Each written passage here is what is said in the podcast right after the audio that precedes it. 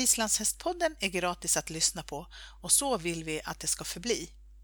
Men det kostar fortfarande pengar att producera. Vill du lämna ett bidrag till vårt arbete så swisha valfri summa till 123 620 4077. Kontakta oss gärna om du vill ingå ett samarbete.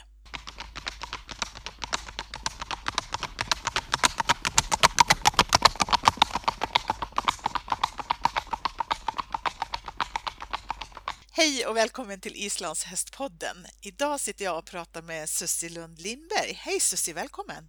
Hej, tack så mycket! Du, eh, det är ett tag sedan vi hördes nu. Vi har gjort ett program med dig hur man hanterar sina dräktiga ston tidigare.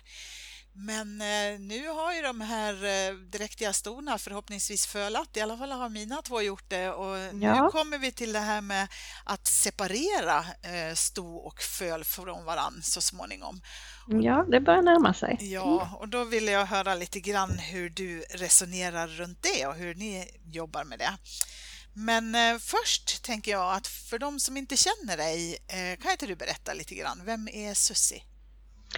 Ja, men jag har väl hållit på med islandshästar i väldigt många år, var med och bildade en av de första lokalklubbarna i Sverige som hette Gandur och eh, det är ju väldigt många år sedan.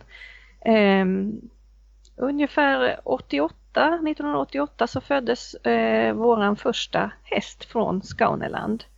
Och sen dess har, eh, har det liksom eh, blivit fler som det brukar bli när man har islandshästar. Ja. Och vi har hållit på och avlat då i lite större skala sedan 90 då vi bildade liksom företaget Skåneland. Ja, och fött upp islandshästar sedan dess.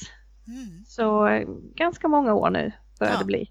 Mm. Och du finns i Skåne då med andra ord? Vi bor i Skåne ja och ja. har vår, vår gård här. Mm. mm. Hur stor gård har ni? Ehm, eh, själva det som vi äger är 30, drygt 30 hektar, 33 hektar och sen så arrenderar vi ytterligare 200 hektar betesmark ah. på naturbetesmark där våra unghästar växer upp. Ja, just det. Så det blir ganska mycket. Ja, hur många hästar har ni på gården då? Eh, vad kan man säga, mellan 50-60 på vintern och lite fler på sommaren kanske med alla inackorderingar och mm. sådär. Så det, det, det är många. Ja. Du, då har du jobbat med avel i många år. Hur tänker du runt det här med avvänjning av föl? Ja, det har ju så som vi har gjort så har det ju faktiskt eh, ändrat sig genom åren. I början då på 90-talet så var det vanligt att man tog ifrån fölet fölen när de var sex månader. Men det har vi ju då ändrat på och eh, efterhand som vi upptäckte att det kanske inte var det mest optimala. Utan nu tar vi ifrån när de är ungefär 8-9 månader. Mm. Och, eh, men sen är det ju naturligtvis olika beroende på hur stoets kondition är. Mm. För de äldre stona kanske inte riktigt klarar att ha fölen så länge så då får man eh, lösa det på ett annat sätt. Och det viktiga för oss är ju också att vi inte bara tar ifrån ett föl i taget utan att vi tar ifrån några av fölen så att de har sina kompisar kvar. Mm. Så att man liksom inte tar trygghet ifrån dem på det viset också utan att de eh, avvänds i grupp. Mm. Har ni några rutiner liksom som ni följer eh, sådär tydligt? Ja, vi tar alltid från, eh, från eh, ett par tre föl åt gången och så tar vi hem dem till stallet. Mm.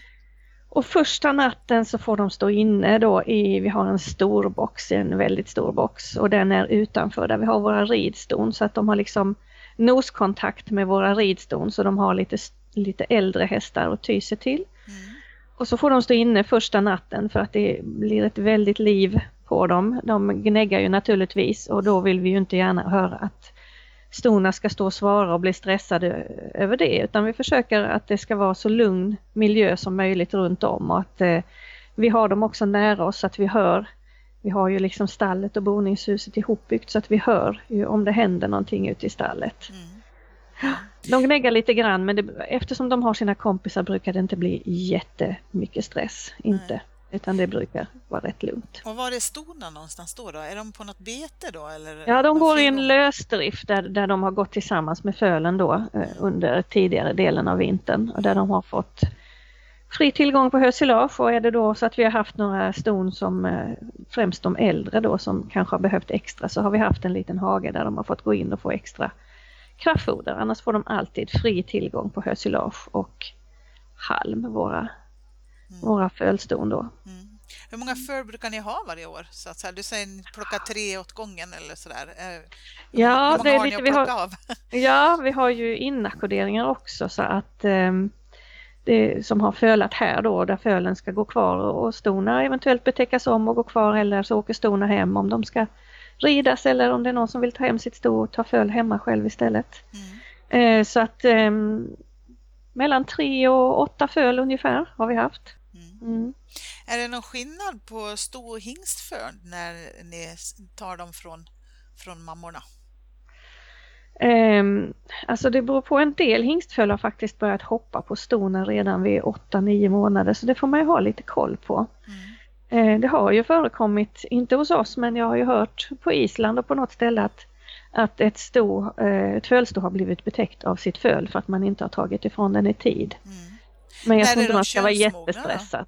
Det, det, är nog väldigt olika ja. vad, vad, vi har förstått. Vi har haft ett um, eh, ett föl som vi tog ifrån och ehm, eh, sen så tyckte jag synd om honom för han blev så ledsen så jag sa nej han får gå med mamma lite till.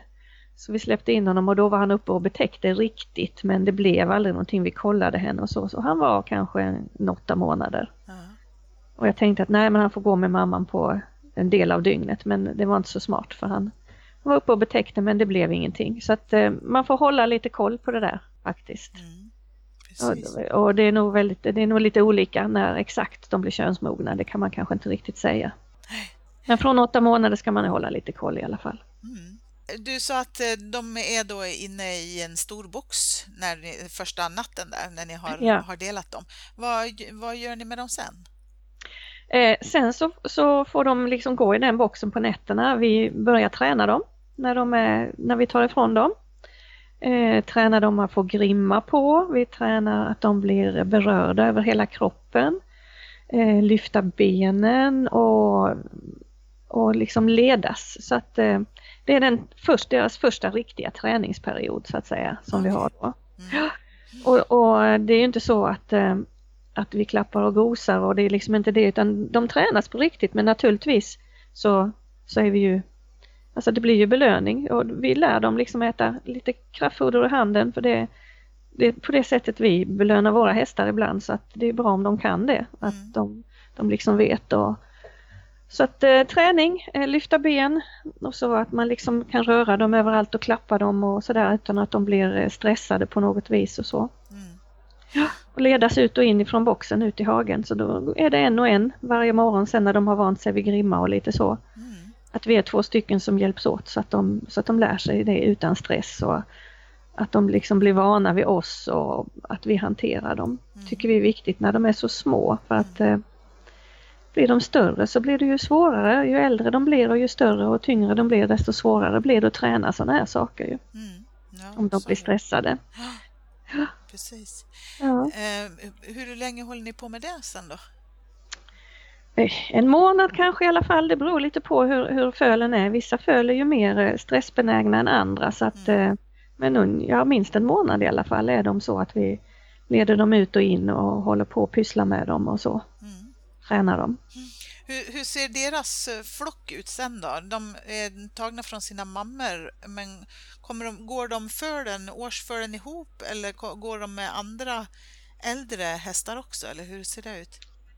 Årsfölen går ihop, eh, ja vad ska vi säga, de brukar gå ihop till eh, ett par tre månader i alla fall. Vi kollar lite på dem, ser hur hingstarna är och hur de beter sig, hingstfölen. Mm. Eh, sen på våren där, så fort det blir grönt gräs så kommer ettårshingstarna upp på ett bete mm. där de får gå. och Vissa år så släpper vi in dem till de äldre, det beror lite på vad vi har för slags flock. Sen när, det, när vi släpper upp dem också på bete och vissa år så går de själva tillsammans med någon äldre. Mm. Någon av de äldre, det beror lite på flockens konstellation. Mm. Men det viktiga är att man inte släpper in de små till de stora utan släpper in de stora till de små tycker vi. Okay. Då, då känner de små, de har liksom gått i den hagen där de är, det är ju stora ytor vi pratar om nu. Mm. De, eh, de är vana vid den hagen och eh, kan staket och allting sånt och sen så släpper vi in de stora, det brukar vara ganska så lugnt. De kan springa runt någon timme eller så och, och kolla av varandra och sådär men då är de små lite tryggare för att de, det är deras hage så att säga. Ja, just det. Mm. Och storfölen brukar vi släppa in eh, till de andra storna eh, ganska så snart efter vi har tränat dem där. De har också en stor hage som de går i med lösdrift och så. Du sa att ni kollade på hingstarna, hur de är och hur de beter sig, sa du? Ja. Vad är det ni tittar på då? Eh, ja, så man tittar ju lite på rörelser och sådär också ju. Om det är någonting som man kan tänka sig att eh, den här ska vi behålla eller nej, den här kastrerar vi nog. Det kommer bli en jättefin ridhäst men eh, inte mer. Så det är rörelser och lite sådär? Så. Ja, och lite lynne och sånt också är det ju. Ja, ja precis. Mm. Eh, men eh, vi hoppar genast vidare på det då. Eh, om ni väljer att kastrera dem, när gör ni det? Ja, de ska ju vara lite äldre. Vi brukar inte göra det första året utan vi väntar lite så att vi ser hur de är utan det blir kanske när de är två på våren där eller tre, lite olika. Det är inte så att vi har någon brådska med det. Nej. Vi har ju en ganska så stor hingstflock mm. så att eh, det, det, är inte alls så att vi har någon brådska Nej, att göra precis. det utan vi tar tid på oss och tittar vad vi har för någonting och så. Mm. Mm. Om ni kastrerar en, en ung häst där då, går den kvar sen i samma flock eller får den byta flock då? Nej, de går kvar. Då går de, går kvar. Mm. Så då de är det blandat vallackar ja. och hingstar? Ja, det är det. Mm. Mm. Du, mammorna då? Hur, vad Mm. händer med dem när, när eh, de går och ropar förstås och letar efter sina ungar?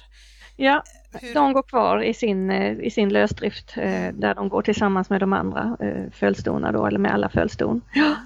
Hur, hur, eh, jag tänker på juverinflammation och såna här saker. Hur Ja, vanligt är det? Eller gör ni något speciellt för att slippa ja vi det? kollar. Vi kollar dem varje dag. Mm. Eh, Vi går ner, om vi tar ifrån på förmiddagen så går vi ju ner på eftermiddagen, kvällen och eventuellt mjölkar ut lite Mm. så att de inte är alldeles för spända. Och eh, det är viktigt att ha koll på det Mm. och se så att det inte blir juverinflammation. Mm. Utan, och sen är det också viktigt att inte mjölka för mycket Nej, för då stimulerar man ju så att de producerar mjölk. Så då tar det ju aldrig slut utan man får vara rätt så, man lär sig efterhand Mm. Eh, hur mycket man ska mjölka. Bara precis mjölka så att eh, djuret går och liksom flyttar lite så att det inte är stenhårt. Mm. Utan man känner att det är lite mjukare. Mm. Ibland har det varit så att eh, vissa ston tycker inte om att man mjölkar. Nej. De sparkar och, blir jätte, och det blir en stor risk att stå där under och, och hålla på och mjölka. Så att då har vi faktiskt eh, gått med dem hem till fölen och låtit fölen dricka lite. Ja, ja. För då blir det, det blir liksom lite lättare, de accepterar det bättre. ja, ja. Och sen så gå tillbaka med stona igen och det brukar inte vara några problem faktiskt. Nej. Utan att de, eh, de klarar det.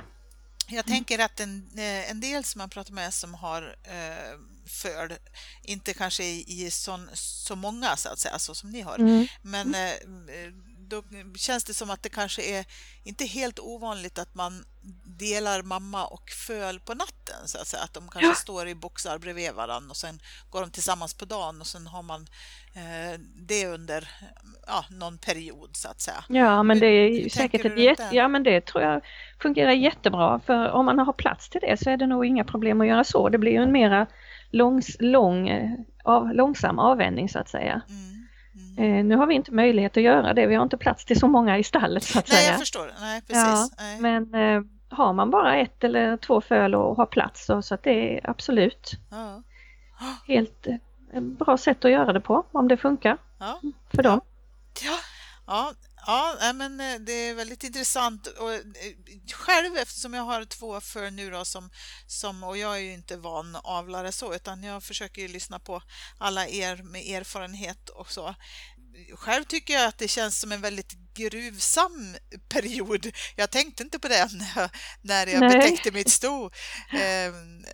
Ty, tycker du att det är en jobbig period eller en jobbig, en jobbig fas, det här med att skilja, skilja dem? Eller hur Nej, det tycker jag faktiskt inte. Jag tycker det är rätt så spännande. Man lär känna de här små nya på ett annat sätt när man börjar träna dem ju och, och lär känna deras personlighet och knyter ett band till dem. Ja, Eh, vilket man ju inte gör när de går med sin mamma, inte vi i alla fall som har så många. Nej. Utan där är ju de en flock och de leker och, och, eh, och håller på så att eh, de bryr sig inte så mycket om oss människor när de går med sin mamma utan det blir ju sen när vi tar ifrån dem som man lär känna dem på riktigt så att säga. Ja, precis. Eh, och eh, ja, på något vis så kan jag tycka att det känns lite bra för stona också, om, speciellt om de är dräktiga igen. Ja. Så behöver de en liten viloperiod för att komma igen och, och sådär. Ja. Så att, eh, ja, nej, jag tycker inte det är något du ska behöva gå och gruva dig för. Nej, vad härligt. Då ska jag låta bli det. ja, Se det med tillförsikt. ja, Du, eh, jag tänkte på en till sak där. Det här med eh, du pratade om äldre ston där, att de eh, Mm. är lite, kan vara lite känsligare eller dräktiga som, som går med, med följen.